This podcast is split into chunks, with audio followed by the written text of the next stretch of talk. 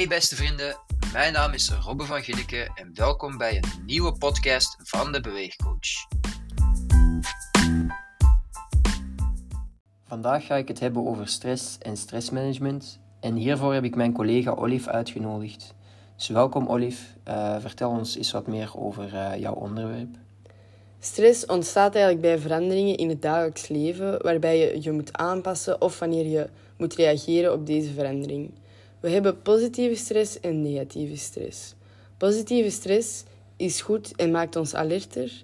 Het zorgt ervoor dat we gevaren kunnen vermijden en goed kunnen anticiperen op situaties en zo verder.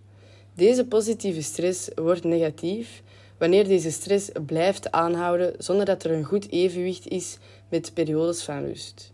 Op deze negatieve stress ga ik later nog even op terugkomen. Dus Olive, wat jij zegt is dat we twee soorten stress hebben, dus een positieve en een negatieve stress. En wat ik hieruit haal, is dat um, stress ook werkelijk goed kan zijn, omdat we er bijvoorbeeld alerter van worden. Ja, inderdaad, klopt. En dat is dus eigenlijk zeer belangrijk om te weten. Stress ervaren is normaal in bepaalde mate en het is een onderdeel van het dagelijks leven. Oké, en waarvan kan je dan eigenlijk zoal stress ervaren? Je kan stress ervaren vanuit je omgeving, je gedachten of je lichaam. Bijvoorbeeld wanneer je gaat verhuizen en je moet aanpassen aan een nieuwe locatie. Je moet tijdsgebonden spullen verhuizen van het ene huis naar het andere. En deze zaken kunnen zorgen voor stress. Of een ander voorbeeld. Je bent in je gedachten aan het doemdenken over een situatie die eigenlijk nog moet plaatsvinden en je krijgt ineens stress. Een ander voorbeeld kan zijn: je hebt een chronische ziekte, bijvoorbeeld kanker en hierdoor kan het ook zijn dat je enorm veel stress ervaart door deze ziekte. Dus stress kan ontstaan vanuit je omgeving, maar ook van, door bepaalde gedachten en door lichamelijke zaken zoals ziekte, een beperking en zo verder. Klopt dit? Ja, zeker. En belangrijk om te weten is dat stress eigenlijk iets heel persoonlijk is. De ene persoon kan de situatie ervaren als een ontspanning en iets leuk, terwijl de andere persoon al stress kan ervaren door enkel en alleen nog maar te denken aan dezelfde situatie. We hebben het nu dus vooral gehad over de manier waarop stress uh, kan ontstaan bij verschillende mensen, maar op welke manier kan het zich dan uiten? Stress kan zich op verschillende manieren uiten, zoals op fysiek vlak, mentaal vlak en op emotioneel vlak. Je kan bijvoorbeeld vermoeidheid en hoofdpijn ervaren. Dit valt onder het fysieke aspect. Of je kan je mentaal leeg voelen en uitgeput voelen.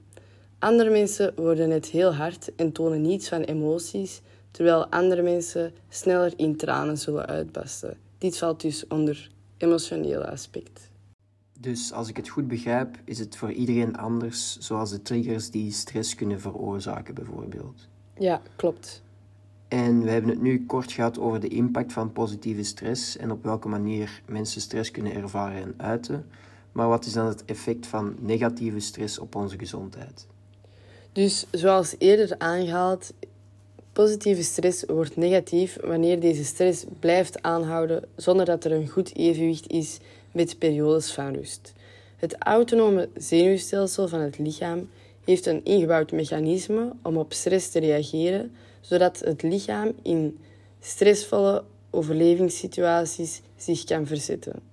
Deze respons wordt ook wel de vecht- of vluchtreactie genoemd.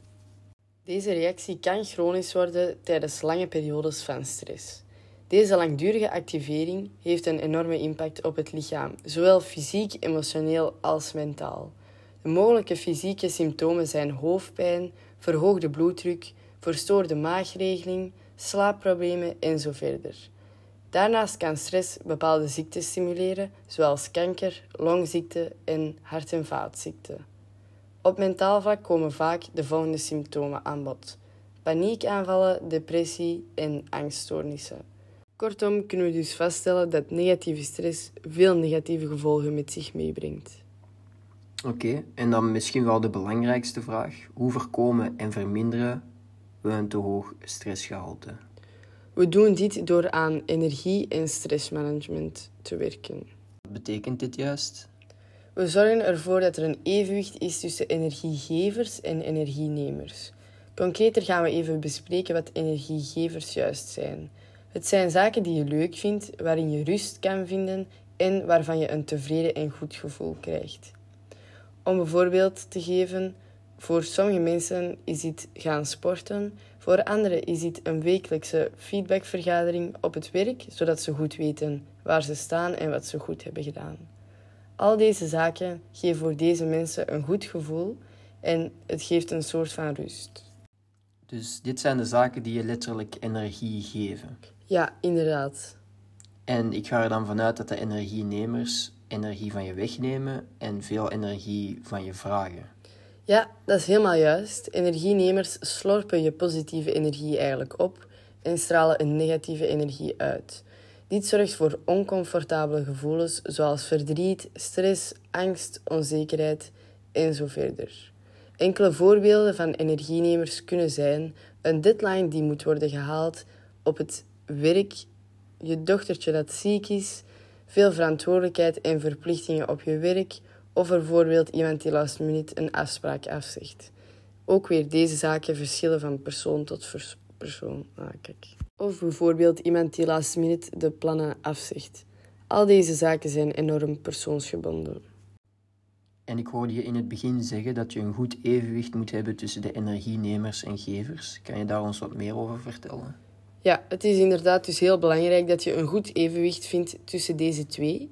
Indien je te veel energiegevers hebt en te weinig energienemers in je leven, zal dit in het begin waarschijnlijk goed lopen, maar na een tijd ga je mogelijk wat onnuttig en doelloos voelen, aangezien er niet meer echt uitdagingen in je leven zullen zijn.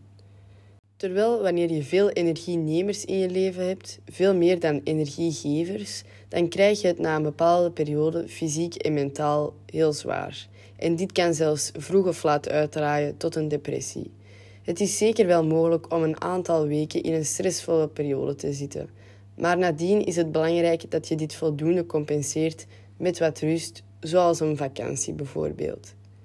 Het evenwicht dat jij nodig hebt verschilt met alle andere mensen. De ene persoon kan meer energienemers verdragen tegenover de andere persoon. Sommige mensen zijn nu eenmaal wat stressbestendiger dan anderen. En kan je dit eigenlijk trainen, die stressbestendigheid? Ja, je kan beter leren omgaan met stress en dit kan mogelijk ervoor zorgen dat je meer stressvolle situaties aan kan. Oké, heb je dan misschien enkele tips om hiermee aan de slag te gaan?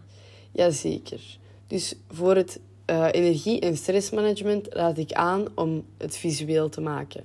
Schrijf, schrijf op wat je echt leuk vindt en wat je belangrijk vindt, net als ook de dingen waarvan je weet dat ze energie van je nemen. Plan deze energiegevers in je week in, want vaak plannen we enkel wat er moet gebeuren. Hieronder vallen dus vaak enkel de energienemers en de energiegevers in de planning worden meestal overgeslagen of vergeten. En ga op zoek naar een evenwicht dat jij nodig hebt. Dit kan je alleen doen door elke week opnieuw te kijken van naar de voorbije week. Hoe heb je hier, je hierbij gevoeld en hoeveel energienemers en energiegevers heb je in die week gepland? Oké, okay, Olive, dankjewel voor de interessante informatie. Hopelijk hebben de luisteraars thuis, net zoals mij, iets bijgeleerd. Dat is graag gedaan. Tot volgende keer.